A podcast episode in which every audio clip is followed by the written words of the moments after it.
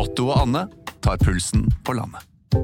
Ja, det gjør vi. Jeg heter Otto Jespersen, og hva var det du het igjen? Jeg heter Anne Grosvold, og hver uke har vi med oss en interessant gjest. Det har vi. Otto og Anne tar pulsen på landet, hører du der du hører podkast.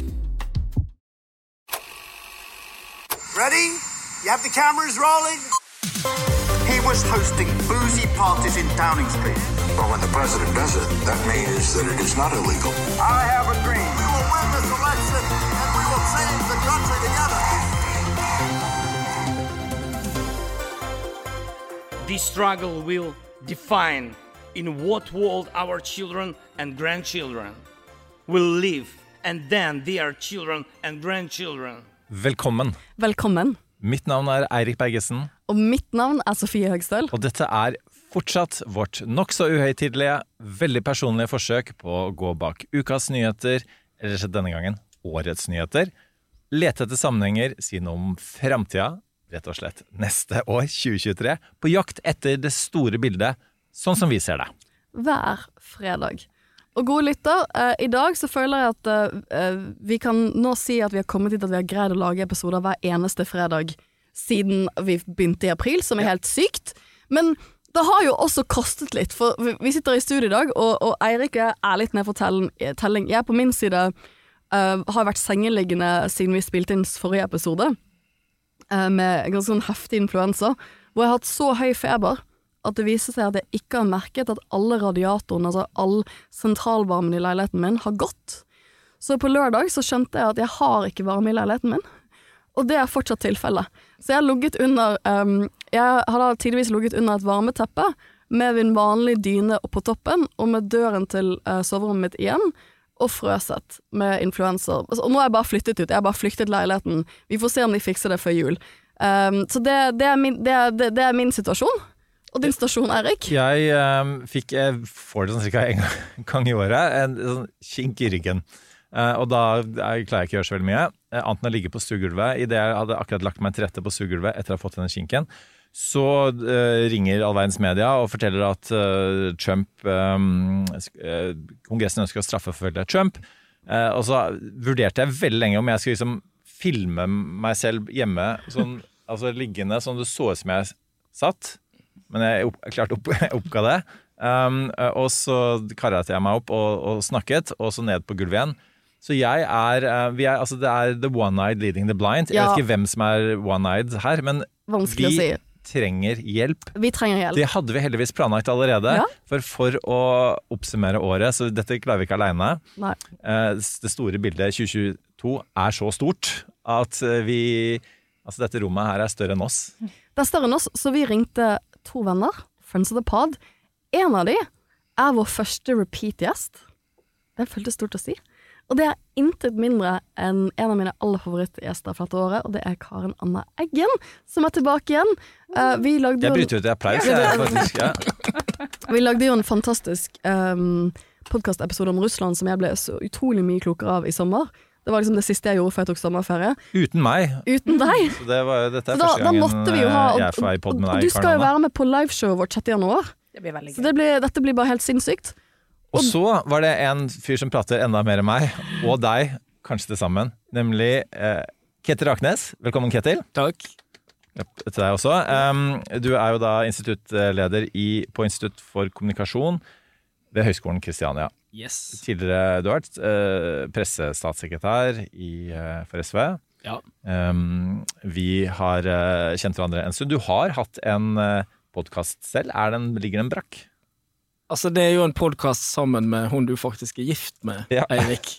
Bente Karlsnes. Så vi, jo bedre det går med denne podkasten her, jo mer aktuelt blir det å starte den opp igjen. Så vi, vi, vi kommer til å se på det over nyåret, om vi skal starte en podkast og gå enda dypere og enda bredere enn denne podkasten her. jeg var fast lytter av den podkasten, um, og hver gang jeg føler at kona ikke hører nok på min, så poengterer jeg det. Og så sier hun at ja, men dere hadde ikke så mange podder. Vi podder hele tiden opp og ned i mente.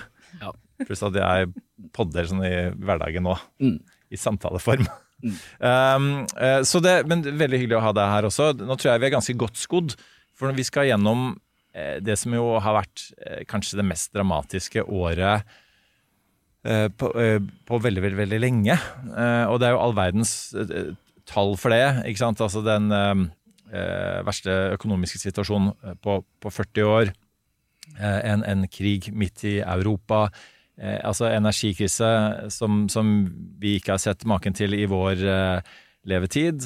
Så det er veldig, veldig mye som, som har gått galt. Og så nærmer vi oss et 2023 som vi vet at vi kommer til å ha med oss mye av det samme videre. Så vi skal se tilbake. Hvordan endte det sånn? Og se litt framover. Hva kan man gjøre med det? Ja, så dette er del én av det som blir da to episoder. Så snakkesalige er vi faktisk, at vi måtte Så- dele opp i to. Vi måtte dele opp i to for å runde av året, for som du sier, så er jo dette Vi, vi har jo snakket mye på podden i år om at um, vi lever i en historisk tid, og jeg tror det er veldig dypt menneskelig for oss mennesker å tenke at åh, jeg lever i en historisk tid, for jeg lever nå, så da må den tiden være historisk. Men de aller fleste av oss, de aller fleste mennesker har ikke nødvendigvis levd i de store historiske tidene. De små historiske tidene for seg selv, men ikke nødvendigvis de store verdenstidene. Men jeg føler jo at dette året her kommer til å markere et slags veiskille. Og så prøver jo vi så godt vi kan å prøve å samtidsanalysere hvilket veiskille er det vi står overfor. Og da trengte vi jo disse um, fantastiske gjestene for å prøve å få deres perspektiv på dette. Og vi har jo tenkt noen temaer om bolker, og da er det jo kanskje mest naturlig at vi starter i Ukraina, tenkte vi. Ja, og det var jo eh, Nå ser jeg på deg, Karen Anna. Det var jo litt derfor vi begynte denne podden. Fordi ja, dette sitatet begynner å bli sånn slitt i våre munner, da. Men eh, altså Lenins eh, Det er tiår hvor ingenting skjer, og så er det noen få uker som hvor tiår skjer. Um, og så var det jo da Lenins Russland som invaderte Ukraina. Og vi, denne poden er ikke meningen at vi skal sitte og fortelle um, hvorfor ting skjer, og hva som kommer til å skje videre. Vi skal snakke om hva eh, og, og stille spørsmål uh, til disse tingene her. Uh, og, men, men du er jo da en av de som, som faktisk jobber med dette konkret. Og du, du har jo noen Du har sikkert noen spørsmål igjen å besvare, du også. Absolutt. Men hvis vi går litt tilbake til, til den situasjonen som da førte til at vi lagde pod, og førte til at du eh, kastet deg ut i offentligheten og, og hjalp oss alle å forklare hva det var som, som skjedde. Um, da, da har jeg faktisk et lite spørsmål for å åpne ballet. For jeg, jeg, tenkte, jeg satt og tenkte på veien hit på T-banen. For det første, jeg vil gjerne ha varme tilbake i leiligheten min, men det er en annen Det, det, det, det tenker jeg mye på. Men det, det, det jeg tenkte virkelig på, var hvor mye som har endret seg siden disse tider i fjor. Um, og, og for deg, du var jo en av de som virkelig så uh, Hadde en, en del veldig treffende analyser om, dessverre, om hva som kom til å skje i Ukraina. Hadde du sett for deg på disse tider i fjor at det ville bli en invasjon? Um, på disse tider i fjor så har jeg ganske nylig kommet tilbake fra et besøk til Kyiv, faktisk. Uh, sammen med flere for, ved, Forsvarets høgskole, hvor vi da besøkte vår søsterinstitusjon, da, den ukrainske forsvarshøgskolen. Uh, og da var jeg litt sånn Jeg var litt, var et, var litt usikker, fordi ukrainerne sjøl virka ikke så bekymra. Sånn, det var ikke nødvendigvis sånn at de tenkte at det blir en invasjon, og hvis det ble det, så var det litt sånn ja, men da vi tar russerne, på en måte. Um, og så var jo de fleste ikke helt overbevist om at eh, det skulle eh, At Russland faktisk ville gå til det steget, da. Og, og, starte en fullskala invasjon. Samtidig så har jo jeg prøvd å følge med litt i løpet av året. Og markert meg en del sånne uh, ja, markører, altså for meg sjøl. Både det med den uh, veldig tette uh, tilknytninga mellom Ukraina, nei, Belarus og, og Russland. Og hvordan du ja, så både den At eh, Lukasjenko ga vekk mer og mer makt til, eh, av sin egen makt, på en måte, til, eh, til Putin. Eh, du fikk de der skrivene fra Putin, hvor han gikk veldig langt i eh, å sementere en del av de bildene han har forsøkt lenge å skape av Ukraina. Så hadde du den gradvise militære oppbygginga. Eh, og i desember i fjor, på denne tida, da begynte han jo å snakke om at det, nå er det blodbanker som føres fram til frontlinjene. Um, I tillegg til at de på en måte har snakka litt med ulike folk som jeg har veldig stor respekt for, som òg mente at nå er, det er blodrødt, på en måte, ved grensa nå. Um, så jeg, jeg har holdt åpen at det fremdeles skal være ledd i en sånn diger psykologisk operasjon fra russisk side. Uh, men det ble vanskeligere og vanskeligere for meg, i hvert fall, uh, med det i vest, å si at, at uh, det ikke blir en invasjon. Eh, Og da, derfor har jeg jo noen kommentarer også på nyåret om at nå, nå tror jeg de går inn. Hva, hvordan går det med de forskningsmiljøene dere besøkte i fjor? Har dere fortsatt mye kontakt? Ja, altså, det, det, uh, det Vi har jo skrytt mye av ukrainerne, eh, og det må en jo bare fortsette å gjøre. De var faktisk på besøk uh, for et par uker siden. Hele delegasjonen. Og det var veldig rørende å se dem igjen. Og jeg vet at veldig mange av dem blant annet var med på forsvaret av Kyiv under de første innledende dagene. Eh, og så klart har vært aktiv eh, etter hvert, eller etterpå òg, i krigen. Men de har liksom også vært veldig bestemt på at vi skal fortsette forskninga vår. Eh, Vi skal prøve liksom å få holde hjulene i gang på best mulig vis. Eh, Så det har gått bra med de fleste der. Eh, Sånne kriger, eller sånn konflikter, der, der du har jo slagene på bakken, og så har du på en måte kampen om eh, den historien som fortelles. Hva, hva er det egentlig som skjer? Ja. Eh, og der, der vet vi at, at Putin har, har sin idé. Han har, den har variert litt, den også. eh, Fra, fra at det skal være en, sånn, eh, en spesialoperasjon, eh, og at det er mot nazister, og så er det kanskje litt mot Nato. Det er egentlig Nato som har ønsket å ta Russland, eh, osv. Eh, Da snur jeg meg mot deg, eh, Ketil. Som, altså, hvordan nå Hvis vi nå ser tilbake da, eh, Ja. på de månedene som, som har pågått, eh, hvordan ligger det an med informasjonskrigen? Eh, Hvem er det som eh, ser ut til å vinne den? Um, det, som, det var jo mange ting som overrasket ved hvordan den krigen utviklet seg, men en av de tingene som kanskje overrasket mest, var jo den knusende seieren egentlig Ukraina vant veldig tidlig i den internasjonale informasjonskrigen.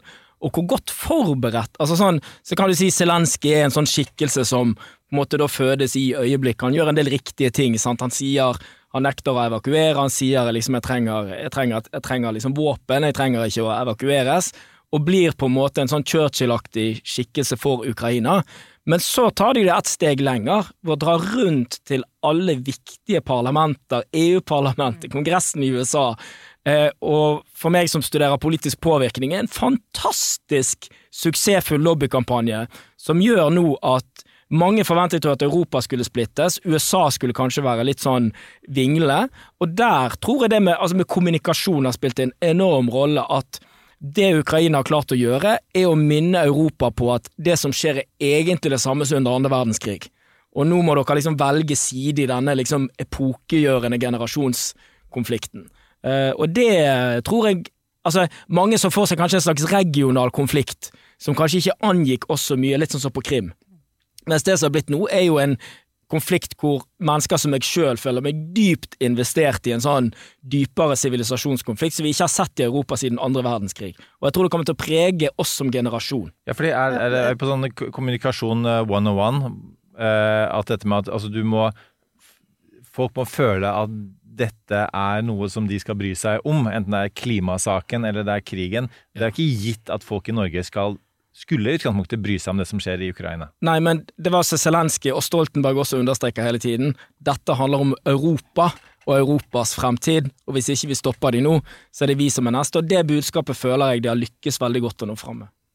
Ja, nei, jeg jeg vil bare, skal bare tilføye eh, et par kommentarer der, fordi i og det er egentlig, da, når jeg skal skrive doktorgrad, Uh, som jeg har faktisk fått gjort litt i år òg, eh, selvskryt, men uh, da skriver vi jo om informasjonsoperasjoner, russiske, eh, og ser på liksom det overordna konseptet. Og og selv om jeg ikke har kommentert så mye på det nå i løpet, det har blitt mer om krigen, så er det jo helt riktig, som Ketil sier her, at når det kommer til liksom, det vestlige publikum, så er det ingen tvil om hvem som har vunnet. Det er informasjonskampen og narrativet. Og så vil jeg bare også legge til da at det, er, det finnes to grupper til. Og det er jo den hjemlige eh, opinionen i Russland, Mm. eh, hvor eh, du har sett en ganske brutal nedstenging av informasjonsdomenet. Eh, om ikke full informasjonskontroll, så er det i hvert fall noe som begynner å nærme seg sensur og kontroll da på informasjonsflyten. Eh, med nedlegging av alt av det som var resterende av um, ja, semifrie og frie medier. Eh, du har jo kanaler som YouTube, som fremdeles faktisk er åpen. Eh, det har ulike forklaringer. Eh, og så har du òg den verden utafor den vestlige bobla. Og den er òg veldig interessant, og jeg tror kanskje den kan bli ganske avgjørende når vi først da skal se eller skue litt framover. Putin jobber veldig hardt nå med å, ikke sant, samle krefter utafor Vesten som er litt, litt eller veldig enig i den vestlige ikke sant, dominansen og den tanken der. Så vi ville bare tilføye det. Ja, og Hvor suksessrik mener du at eh, Putin har vært på akkurat det du sier, altså hjemlig publikum og, og på en måte litt sånn verden utenfor? eh, Afrika, Kina osv.? Jeg vil påstå at eh, det har vært ganske grei grad av uh, suksess uh, på de begge fronter. Uh, på hjemlig bane så kan du jo si at så klart over de siste 20 årene så har jo på en måte eh, Putin jobba med å, å eh, eh, forme da, eh, den russiske mentaliteten i eget bilde. Og når du på en måte ikke har noe tilgang til andre kilder, så er jo enten at så tror du jo på det, eller så blir du mer passiv. Og tenker ja, men jeg vet ikke hva som er sant, jeg blir servert ti ulike narrativ hver dag. Ok, eh, da er det like så greit å bare ta et steg tilbake. Mens, bare så veldig kjapt da, på den utafor, så vil vi jo òg se at den har vært ganske eh, suksessrik. Og det ser vi jo både med Kina, India eh, og Afrika vet vi at det pågår svære russiske informasjonsoperasjoner med en veldig ung befolkning, en del deler av Afrika, som bruker primært sosiale medier, og det virker i hvert fall som en del av de der eh, imperialisme, kolonisme, narrativene knytta til Vesten har hatt en grei effekt. Ja, for det, det, det tenker jeg er et perspektiv som, som, eh, som, er, som kan være vanskelig for oss å liksom, ha i hverdagen der vi sitter midt i Europa og, og føler dette på kroppen, og som, som Kjell sier, sånn, føler denne sivilisasjonskampen som vi, vi føler at vi er en del av. Eh, jeg tror noe av det mest interessante jeg hørte på Arendalsuka, var en debatt jeg ledet for Røde Kors, eh, og da kom utviklingsministeren, jeg syns hun er veldig dyktig, og det var hennes perspektiv. Hun har nettopp vært og, og, og, og observert eh, toppmøte i Den afrikanske union, og hennes take var at hun var overrasket over hvor mye russisk propaganda som var tydelig en del av mediebildet i eh, Jeg tror det var i Nairobi. Eh, og hennes tydelige takeaway, tilbakemelding på det panelet, var eh, vi kan ikke tro at vi vinner den narrativkrigen i verden. Vi er veldig samstemt i Europa, i Vesten er veldig samlet. Putin trodde ikke Vesten skulle stå så samlet. Det undervurderte han, det har vi gjort. Men hvis du løfter blikket litt og ser på resten av verden, så er det klart at kampen om den ikke-vestlige verdens oppfatning av hva denne krigen er, den, den kjempes på alle fronter, og jeg tror hun er redd for at for vi tenker at dette er så åpenbart hvem som er the good guys, Mm. så reiser vi ikke vi ut og gjør den jobben i utlandet, for ehm, hun sa at det afrikanske perspektivet hun fikk veldig tydelig fra afrikanske toppledere, det var ikke så mange vestlige ministre som var på den, dette møtet her, det var at, uh, at de ser på det som en regional konflikt i Europa, Uh, og så er de nok litt, uh, litt undrende til at Vesten har fått øynene opp nå for hvor forferdelig krig er. De er litt sånn, kom og se på alle krigene vi har stått i de siste 10-20 årene. Eh, og det, det kan man absolutt forstå fra deres perspektiv, at, at, at våre, når våre reaksjonsmønstre blir så forskjellige, at de syns at det, det, det er ganske hyklerisk fra vestlig side. da. Uh, og som du sier, når Putin da bruker så mye tid på diplomatiske bånd med afrikanske land, og målrettet uh, desinformasjonskampanjer, så er det en, en, en Det er igjen noe som har med det virkelig store bildet å gjøre. Eh, og det er jo eh, hvilken type verdenskonstellasjon vi bor i nå. Som er endret, tror jeg, for disse tider i fjor. Men det tror jeg er helt eh, sånn som Karen Anna sier, at det er sånn når folk sier liksom ja, det er veldig kaldt ute, eh, hva med klimaendringene? Så er litt sånn ja, det, det å føle den globale gjennomsnittstemperaturen, det er litt krevende når man bor i Norge. Og sånn er det jo litt med den globale liksom, gjennomsnittsopinionen også, den har ikke vi noe relasjon eh, til. Og jeg tenker jo at VM var jo en veldig fin reality check sånn sett. Jeg tenkte jo hele tiden altså Fifa er ett land, én stemme, 108 er cirka sånn semidiktatur. Det er jo ikke så veldig overraskende at de har organisert seg, men det virket som det var veldig overraskende. Like på samme måte som eh, Saudi-Arabia plutselig leder menneskerettskomiteen i FN. For det er sånn internasjonale organisasjoner er. Og det som jeg tror kanskje er litt sånn wake-up call for Vesten, er jo at, sånn som du sier, den informasjonskampen russerne og kineserne har holdt på med dette lenge. Lenge. De er til stede i Afrika og Asia. De, de kjemper liksom en sånn sivilisasjonskamp veldig aktivt, mens vi kanskje har ligget mer bakpå og tenkt liksom at siden vi representerer det gode, så vil jo folk skjønne dette av seg sjøl. Og alle vil ha demokrati, tror jeg vi tenker. Alle vil jo da, ha vårt men du så det bare liksom når vi kjørte den der, den der skandaletalte Infantino. Men han spilte det der antikolonialisme, antivestlige kortet. Det, det funket som bare juling i Midtøsten og Afrika. sant? Og det var jo, Du snakket Ketil om alle disse parlamentene hvor Zelenskyj har snakket. Ja. eh, Men hvor var det han ikke fikk lov til å snakke? Jo, det var eh, i forbindelse med VM-finalen. Ja. Ikke sant? Hvor, Ja. hvor det Infantino eh, nektet eh, han det. Og det også, det også sier en del. Men hvis vi går litt tilbake til denne igjen, da, den kampen med, eh, på, på bakken og den kampen eh, i mediene.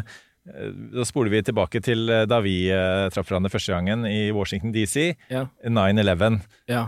Du, du var student, jeg jobbet på ambassaden. ehm, og, og du så USA trodde jo at her hadde vi De hadde jo sine allierte i Midtøsten, og for så vidt mange av de de fortsatt har. Saudi-Arabia er en av de. Eh, og så hadde de jo ikke The Arab Street med seg, så flesteparten av disse kaprerne eh, av de flyene, de var jo fra Saudi-Arabia, allierte Saudi-Arabia. Med andre ord, de hadde på en måte ikke kjempet eh, altså den informasjonskampen. Eh, eh, de, altså, de drev det eh, som, i diplomatiet som makthavere snakker med makthavere. Så glemmer man å snakke til offentligheten. og Da fikk du, en, eh, fikk du faktisk en, et helt nytt konsept innen diplomatiet som het public diplomacy. Altså viktigheten av at et land snakker til et annet lands befolkning. Fordi da hadde du altså en, en mann i en hule med noe VHS-type opptak, bin Laden, som kommuniserte mer effektivt enn USA. Og hans budskap var veldig enkelt. Det var at USA driver en, krig mot islam. Og den var det veldig enkelt for mange i den islamske verden å stille seg bak, ikke minst i The Arab Street. Eh, og USA brukte jo ja, Det ble jo da til slutt det lengstvarende krigen i amerikansk eh, historie, og jeg er veldig usikker på én, om de vant den krigen, informasjonskrigen med å overbevise alle disse araberne om at de ikke kjempet en krig mot eh, mot USA, og to, som burde vært målet med hele, hele krigen, var at de reduserte muligheten for, eller faren da, for terrorisme, islams terrorisme på amerikansk jord. Gjorde de faktisk det, eller har den til og med økt? Og inkludert at utrolig mange mennesker har dødd i hele den prosessen. Da vil en influensasyke ha ordet. Ja, nei, ja. Jeg, jeg, jeg, for jeg tenker at det du sier Influensersyke eller influensasyke? influensasyke, ja. Det er ingen som vil sitte med siden av meg på T-banen. at Jeg, jeg fikk sånn skikkelig hosteevne. Eh, Man får ikke venner av å være så syk. Eh, Men um, jeg tenker at det interessante med 9-11 er at vi har andre perspektiver på det i dag enn det vi hadde da det skjedde. Og det er jo litt det vi Hvordan kommer vi til å se tilbake på 2022? Og jeg tenker jo at hvis vi holder oss til dette store bildet da, så er det jo det at um, under NOs årskonferanse, hvis jeg ikke har nevnt det før, så holdt den tidligere finske statsministeren Alexander Stubb en veldig god eh, innledning, uh, i likhet med Karen Anne Eggen, som også var der. Dette kan ses, uh, det ligger ute. Uh, og hans store analyse, som han ikke trakk, som han trakk der for så vidt, er at dette er et veiskilleår. Dette er et veiskilleår på samme måte som, som Berlinmurens fall. Det er et før og etter. Og akkurat hvilket veiskille det er, det står vi midt oppe i nå, så det er vanskelig å si. Men han har jo fisket dette og prøvd å definere dette på Twitter, for han er også professor i sånn internasjonale relasjoner, så det er dette han egentlig jobber med. Og han kaller det jo tentativt, da, an age of disorder. At 2022 eh, liksom markerer slutten på etter kalde krigen-perioden, og nå er vi inne i noe han kaller age of disorder, som kjennetegnes ved at ingen um, ingen enkeltsupermakt, i USA, har så mye makt og myndighet lenger at, eh, at, at det er en verdensorden rundt de, men du har flere større makter. Og da blir det mer kaos i systemet, for de driver med sånn, Kjetil, disse, disse, de driver med sine egne sivilisasjonskamper. Og han, han fikk svar fra en annen finne på Twitter når han spurte om sånn hjelp til, til å definere hva som skjer, hva disse tidsepokene er, da. Og han, det var en annen som svarte at liksom, Cold War, altså kaldkrigen, handlet om økonomiske systemer og kamp for økonomiske systemer. Og så etter det har vi hatt en sånn periode som man kan kalle en sånn, sånn globaliseringsperiode. Hvor, global, liksom, hvor liksom, du har markedsøkonomi, liberal demokrati som spres til, til en viss grad, og så globalisering. Og nå er vi inne i en sånn full war of governance mellom, mellom autokratiske regimer og en del demokratier i Vesten. Og det er den perioden vi er i. Um, og det er kanskje mitt store bilde eh, på vei som, som, som er den tidsskillen vi har fått etter Ukraina-krigen, som Som kommer til å være med oss veldig, veldig lenge. Men det store spørsmålet jeg antar at lytterne har når vi snakker om Ukraina, det er tror vi at krigen kommer til å ta slutt i 2023? Da ser jeg på deg, eh, Karen Anne. Um, jeg tror ikke den kommer til å slutte. Uh, og jeg tror egentlig ikke den kommer til å slutte i jeg skal ikke si overskuelig framtid, for da blir jo det ikke noe sånn jule, julekos med sånne prediksjoner. Eh, men litt av poenget mitt med det, og da stjeler det egentlig et poeng fra eh, Michael Coffman, som er en sånn veldig anerkjent Russlands analytiker, og det er altså krigen er ikke ferdig før den tapende part på en måte sier den er ferdig. Mm. Hvis en ser liksom litt tilbake i historien, og skulle nå Ukraina klar, eh, som de jo har for så vidt ganske gode, eh, godt utgangspunkt for, da, å, å slå Russland militært, eh, så tror ikke jeg, gitt at Putin eller noen litt lik han blir sittende ved makta eh, framover, eh, at de er ferdig med Ukraina. Nei. Eh, det er et eksistensielt spørsmål for veldig mange av de som sitter i ledelser. Eh, så ja. Men I tillegg så alt eh, Russland og Putin har gjort i år, fra annektering til massemobilisering, at du har fått inn han der uh, veldig brutale generalen Surovikin til å lede liksom, de russiske styrkene i Ukraina. Du har uh, overført masse penger av det da de har, uh, selv om det er økonomisk krise, til militæret. Um, de fortsetter å massebombe. Det har jo vært snakk om ikke sant, at å, men Russland har gått tom for missiler siden april. Men de har jo tydeligvis ikke det, da. Og det er litt sånn usikkert på hvor mye de faktisk har igjen. Så klart, det er jo ikke utømmelig. Men poenget mitt er egentlig bare å si at alt de gjør, alt de har gjort i høst nå, er jo en forberedelse for en fortsettelse. De er in it for the long haul, og det handler eh, om at Putin tenker at Vesten er svak og ikke vil klare å stå i det her over tid. Det får vi jo se. Men... Han spiller et tidsspill med oss, ikke sant? Han tenker at vi blinker snart. Eh, ja, i, sånn som jeg leser han, så tenker han eh, at på sikt, da, hvis Russland klarer å holde ut og fortsette, så vil ikke vi klare å om etterforsyne f.eks. Ukraina, blant annet. Ja, jeg er helt, eh, helt enig i det Karen Anders sier, fordi det var det jeg mente med sånn generasjonskonflikt, at denne konflikten kommer til å Altså, nå kommer jo filmen om Narvik. Jeg lurte på om vi skulle gå og se den om ungene. Våre barn kommer til å gå med og se med sine barn kanskje en film om Donbass sånn, om 30 år. Eh, fordi at eh, det er sånn som Karen Anna sier, ja, hvordan skal det slutte? Ja, eh, eh, det som kan skje, er jo at Ukraina kanskje får en slags militær seier.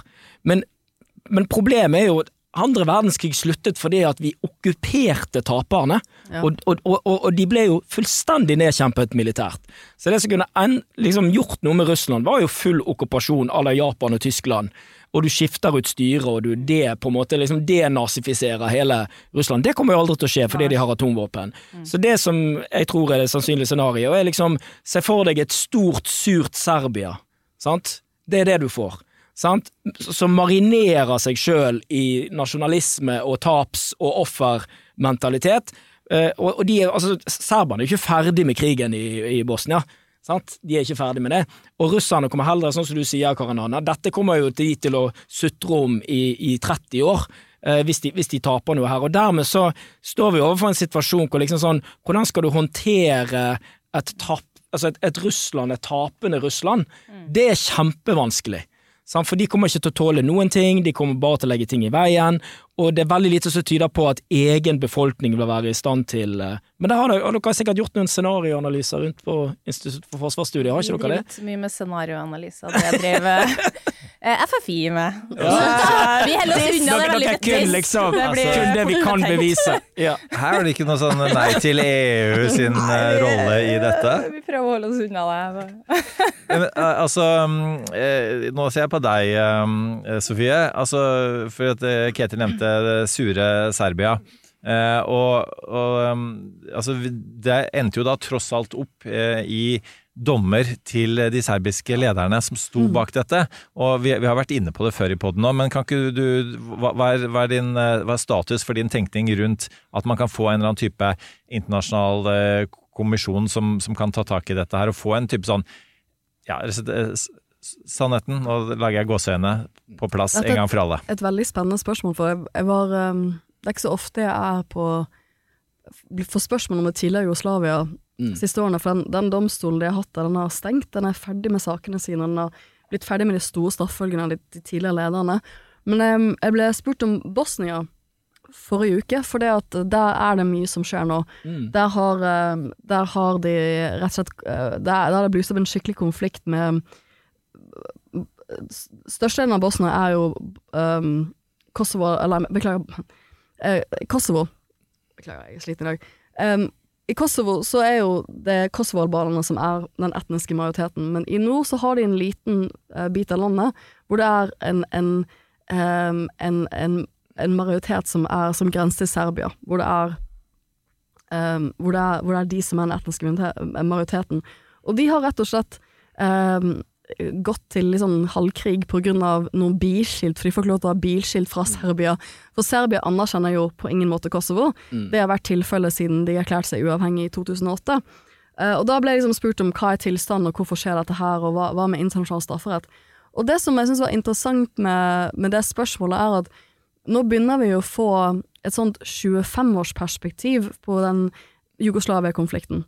Og det som er rart å tenke på, for det er den første krigen jeg kan huske å ha sett på TV um, på 90-tallet. Uh, sammen med bestefaren min som var i andre verdenskrig. Jeg husker veldig godt reaksjonen Da var jeg ganske liten, men jeg husker veldig godt reaksjonen hans på de bildene som kom ut av eh, det tidligere Jugoslavia. Um, og det, liksom, og det, det som er tilfellet der, er at man har hatt et rettsoppgjør som sånn rent rettslig er, var en stor suksess. Man har fått dømt uh, noen av de viktigste lederne for blant annet folkemord. Stor og viktig seier. Men det, de, eh, de kule eh, samfunnsvitenskapelige forskerne jeg har innenfor dette feltet, de har jo begynt å kunne gjøre en del spørreundersøkelser som er mulig nå. Hvor de har liksom prøvd å måle befolkningens i de forskjellige bitene av det tidligere Jugoslavia, som nå er forskjellige land, selvfølgelig, hva, hvordan, hvordan oppfatter rettsoppgjøret. Og det man ser er at liksom, i serbiske områder så anerkjenner man ikke domstolen. Man anerkjenner ikke folkemord. Altså, og, og det er sånn det er en sånn uh, interessant artikkel med dette som jeg tror het sånn, noe sånn, sånn you know, 'Denying genocide in the face of science'. For nå har du Du har hatt um, sånn Du har hatt For det at du kunne analysere benmassen eller disse massegravene, så er det veldig klart at dette var etnisk minoritetsgrupper. Det er veldig, sånn, det er veldig, veldig tydelig. Men, men det er fortsatt ingen Eller det, det er fortsatt utrolig lav oppslutning uh, i, de, i, i deler av serbiske områder om det har vært et folkemord, om domstolen. Er, liksom, domstolen har vært utrolig politisk splittende. Det har også vært interessant, for du har jo hatt situasjoner hvor f.eks. folk fra Kosovo eller fra de andre, andre, andre offergruppene har blitt tiltalt. Um, og så når de har blitt frifunnet eller sendt hjem, så har de kommet hjem som, som eh, you know, heroes, selv om de også har vært, vært beskyldt for krigsforbrytelser osv. Så, videre. så det, det viser hvor komplekst og hvor langsiktig disse rettsoppgjørene er. Og det tenker jeg mye på nå også med Russland, at det kommer jo til Jeg tror de vanskeligste spørsmålene med Russland-Ukraina-konflikten, som ofte er de vanskeligste spørsmålene, er, er ikke hvordan får du øh, Vil Russland noensinne anerkjenne en domstol? Vil, selv om la oss si Putin blir dømt for aggresjonsforbrytelsen. Hvor stor andel av øh, sånn etniske russere kommer til å tenke at det er liksom ikke noe annet enn en vestlig politisk prosess? Så jeg tror det har sett litt om begrensningene til mitt fagfelt, da. Som jeg tror liksom for, sånne jurister som meg snarere tenker ja, vi får rettferdighet hvis vi bare får dømt noen, og så får vi en dom, og så tror alle på det. Det er ikke det som skjer. Nei, og Apropos dom og lovgivning. altså Russland er jo veldig flink på å bruke lovgivning til sitt eget eh, beste. Og hvis ikke husker helt feil, så er jo en ny lov eh, opp nå som eh, ka- frikjenner russere fra ulike handlinger begått i Ukraina, hvis det er liksom ment å tjene da russi, russiske, eh, russiske interesser og landets uh, interesser. Og Um, det pekes jo mot at det eksempel kan være at du frifinnes fra massemord, eller som vi så i Butsja og sånn. Det vil komme mye mer av framover.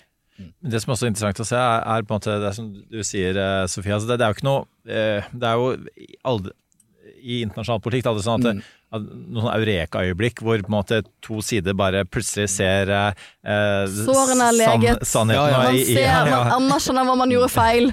Man ser den andre parten. Ja. Ikke sant? Og, det er jo bare Det er jo eh, BATNA, som det heter i UD, altså Better Alternative to Negotiated Agreement. Det er alltid sånn bitte små sånne altså, eh, forbedringer fra en status quo da, vi, vi snakker om her. Og, og min ukas anbefaling for eh, er vel et par uker siden, som var Bonos sine memoarer, som, som jeg som, som gammel student i, i Dublin eh, jeg synes var, var, var veldig gøy å høre igjen. Også, men det var en ting jeg hadde glemt, og det er når han snakker om The Good Friday Agreement, som er en av de tingene som sånn at, som, som brakte måte fred da i, i Nord-Irland.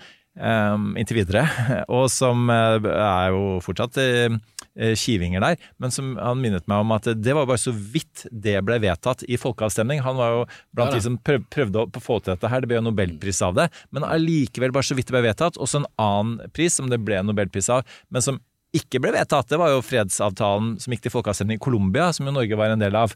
Eh, så da Colombianerne en gang ville ikke ha det. sant? Det er liksom, hvis I den grad det blir en fredsavtale nå, i den grad folk blir involvert i å stemme osv., så, videre, så, så, så vil det være knappe marginer som gjør om, om det blir vedtatt eller ikke, om det blir fred eller ikke. Altså dette, er, dette vil være på vippen. Eh, eh, både fremover og, og, og 25 år fram i tid, Ja, eh, Sofie. jeg tror, vi snakker som skjer, som dere er inne på, vi snakker, om, vi snakker rett og slett om flere tiår. At det kommer til å ta flere tiår. Og jeg tror også det underliggende vanskelige spørsmålet for Vesten som vi må ta inn over oss, er La oss si at på en eller annen måte Russland trekker seg ut, og de bare sånn Vi tapte, dette var en feil. Vi må også tenke på hvordan, pass, hvordan får vi til en, en integrasjon med Russland? En fullverdig integrasjon med Russland. Ja. Hvordan passer vi da på at vi ikke kommer inn i en sånn mellom første og andre verdenskrigstasjon, hvor Tyskland bare kommer tilbake igjen ikke sant? og blir helt ugle, liksom, sånn, fordi at man har det, det, vi, vi greide ikke vi, En av tingene vi ikke fikk til etter andre verdenskrig, var å integrere Russland fullt ut i Europa. Hvordan, på sikt, hvordan gjør vi noe med det, uavhengig av hva, Da ser jeg på deg, Hanna. Du, men du hadde også opp, oppe hånden. Begge har hendene oppe og vifter som bare det. Det er Beklager, deilig. ja, vi- Det er akkurat sånn det skal være. Og er julegenseren lyser, og det, lyser. Det lyser mer enn noensinne. Nei, altså, jeg har egentlig et litt spørsmål. Altså, ja. for- og det henger jo sammen med alt vi har snakka om nå. Eh, Og det, det er litt En ting jeg har tenkt veldig mye på i det siste, er jo nettopp det med forhandlinger. Og jeg er ikke en diplomat, jeg har egentlig ikke så mye erfaring med nødvendigvis om forhandlingsteori og sånt. Men eh, jeg blir jo ofte spurt, ikke sant, kan det bli en fredsavtale, når er krigen ferdig, og så videre. Og, og mitt svar er jo alltid at men det, det er på en måte ingenting å forhandle om. Mm. Ikke sant? At det er, det er Du har to parter i denne krigen som begge har krav som den andre aldri vil gå med på. Eh, men da lurer jeg bare litt sånn på dere, fordi jeg tror jo det er litt sånn viktig. Det er mange som lurer på det, og det er ikke sikkert alle helt skjønner hvorfor. Ja, men hvorfor har du ikke samtaler, hvorfor har du ikke freds... Liksom, hvorfor er det ikke ting som skjer? Eh, fordi folk er bekymra, og det er høye priser, ikke sant. Veldig mange vil jo at den krigen skal slutte fort. Men da er det jo noe med å prøve å forklare men, men hvorfor det ikke går an. Nummer én å presse Ukraina til noe forhandlingsspor, hvorfor du ikke kan stole på Russland, hvorfor en pause er en dårlig idé, for da kommer Russland tilbake, og de ikke sant, får bygd opp styrker. Og, uh, men litt sånn Så spørsmålet er bare hva må til for gode forhandlinger? Da kan jeg bare ta på meg diplomathatten litt her. Det er litt, deilig etter eh, en del år. Og så kan jeg for øvrig bare devaluere den hatten litt med å si at eh, jeg stilte litt det samme spørsmålet selv til, eh, til han som Dag Nylander, som forhandlet den freden eh, i Colombia i sin tid på vegne av eh, UD. Ledet teamet der. Um, og, og, så hadde jeg, så hadde jeg han på en, um, en sånn liveforestilling, og så, så spurte jeg han om hvordan man lager, lager man egentlig fred i verden. Og så sa han jo man tar en, en bra ting, og så bare bygger man liten bra ting, og så bygger man videre på det. Og sånn, litt sånn som deg, Erik. Du jobba et kvarter i UD og har lagd en karriere på det etterpå. men i det kvarteret, da, Ja. eller ti år, så, så rakk jeg å jobbe en del med, med Balkan. Og, og blant annet, vi nevnte Kosovo, altså Kosovos uavhengighet.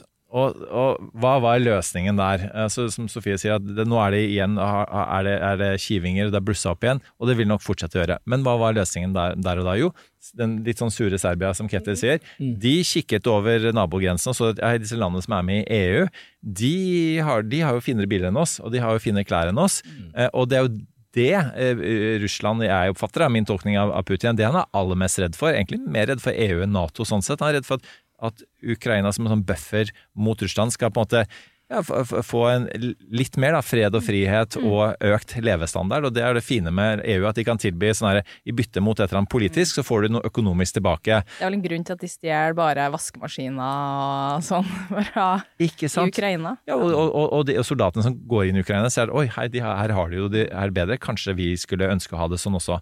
Eh, og så gjorde det EU gjorde, at de lagde en eh, Da de skulle anerkjenne Kosovo, så fikk de ikke alle landene med på det, for det er mange land som har separatistbevegelser. Spania, Spania, for eksempel. Spania Ja. nekter, og som fun fact, de nekter å anerkjenne Kosovo når de spiller fotballkampen i. Mm. Sånn kosovosk territorie.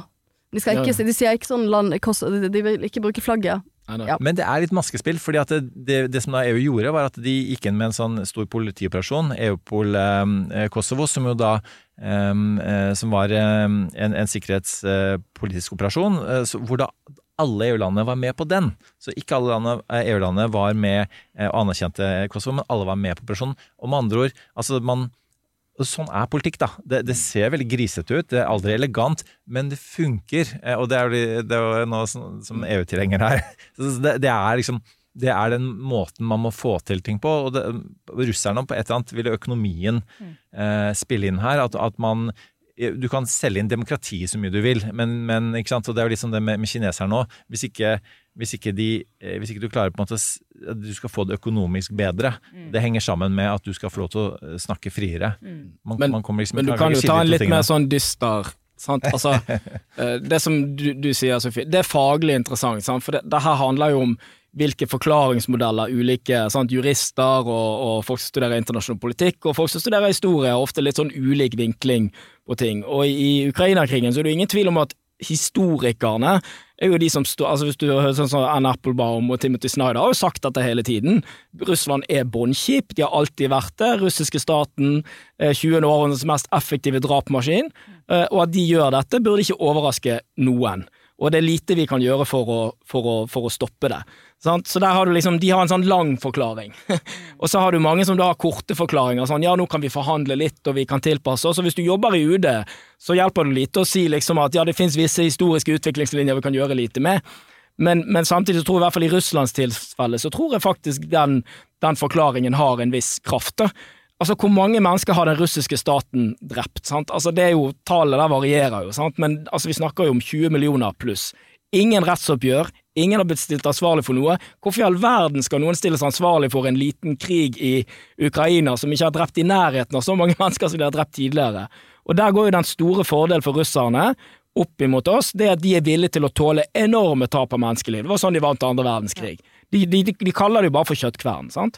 De bare kjører inn folk. Men nå har de jo møtt på en fiende som er omtrent sånn som Vietnam var i De sier Altså, han vietnamesiske general ble spurt liksom hvor lenge dere er villige til å kjempe mot amerikanerne. Da sa han 50-100 år mot endelig seier. Ukraina er jo der. Sant? De det, det handler om deres eksistens, deres stolthet, hele deres nasjonale identitet er investert nå i dette spørsmålet. Og de er Europas nest største her. Nettopp. Og, og de har Men det er jo viljen til å Altså, et europeisk land ville jo aldri tålt uh, Så det er bodybag-faktoren. Vi ville jo forhandlet etter ti døde, så hadde jo vi fått panikk.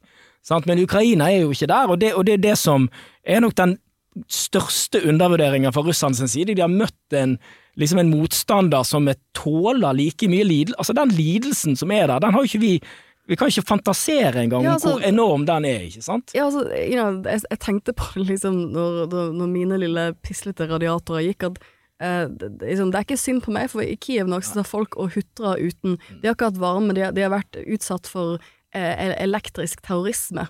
Ja. Sånn, hvor målrettet, målrettet ta ut eh, strømforsyningen i en bitter, bitter kuldetid etter flere måneder med krig. Og det, jeg tror det som har preget Det som jeg kommer til å huske mest i år, jeg tror jeg har sagt det før, men den dagen Russland gikk inn i Ukraina, så var det på dagen 80 år siden min bestefar ble fanget under andre verdenskrig. Og det, og det, det var så så google liksom, han er, Det er en sånn fangeregister, fanger.no, hvor de har eh, fangepapirene til veldig mange av de norske som satt eh, i, eh, i forskjellige fengsler under andre verdenskrig. Og jeg var liksom innom, jeg lå liksom i sengen min og, og liksom så på disse bildene på CNN, og, og så googlet jeg det, av, av en eller annen grunn så gikk jeg, for jeg, jeg tenkte jo på han med en gang, så gikk jeg inn og, og så, og da hadde de fått mer av hans fangepapirer, inkludert bilder av han. Jeg har aldri sett bilder av han på den alderen før, som var liksom bildene de tok av han da han ble tatt inn i Møllergata 24. Og han lignet så på lillebroren min, det, som er liksom samme alder som han var da. Det, Det, det slo meg bare sånn det var liksom det jeg tenkte på det i morgentimene, at nå er det mange unge gutter som må ta noen veivalg om, sånn som han måtte gjøre, og mange måtte gjøre under andre verdenskrig. Hvem skal jeg være i denne konflikten her? Hvilken, hvilken person, hva er det jeg skal bidra med? Uh, jeg vet ikke hva jeg hadde valgt selv, men det, det, og det, det at så mange ukrainere har personlig vært sånn, ok, nei, jeg er egentlig universitetsprofessor, men nå lærer jeg å bli skarpskyter. Og det gjør jeg. Og det, det er veldig vanskelig det er så sterkt å se på. Det er nettopp det, det, det, det er derfor, for vår generasjon, så kommer de bildene til å være alt, tror jeg. Og det er derfor vi kommer til å huske 2022 i mange, mange tiår. Noe av det mer absurde som har skjedd i år, Sofie, er jo for øvrig at eh, din lillebror, som du nevner, Er og min sønn er i militæret i samme avdeling. Mm. Eh, og det oppdaget de på egen hånd. De begynte å snakke om noe USA-greier og viste til sin storesøster og sin far. Um, så det var eh, smått absurd. That's enough. Put down the mic.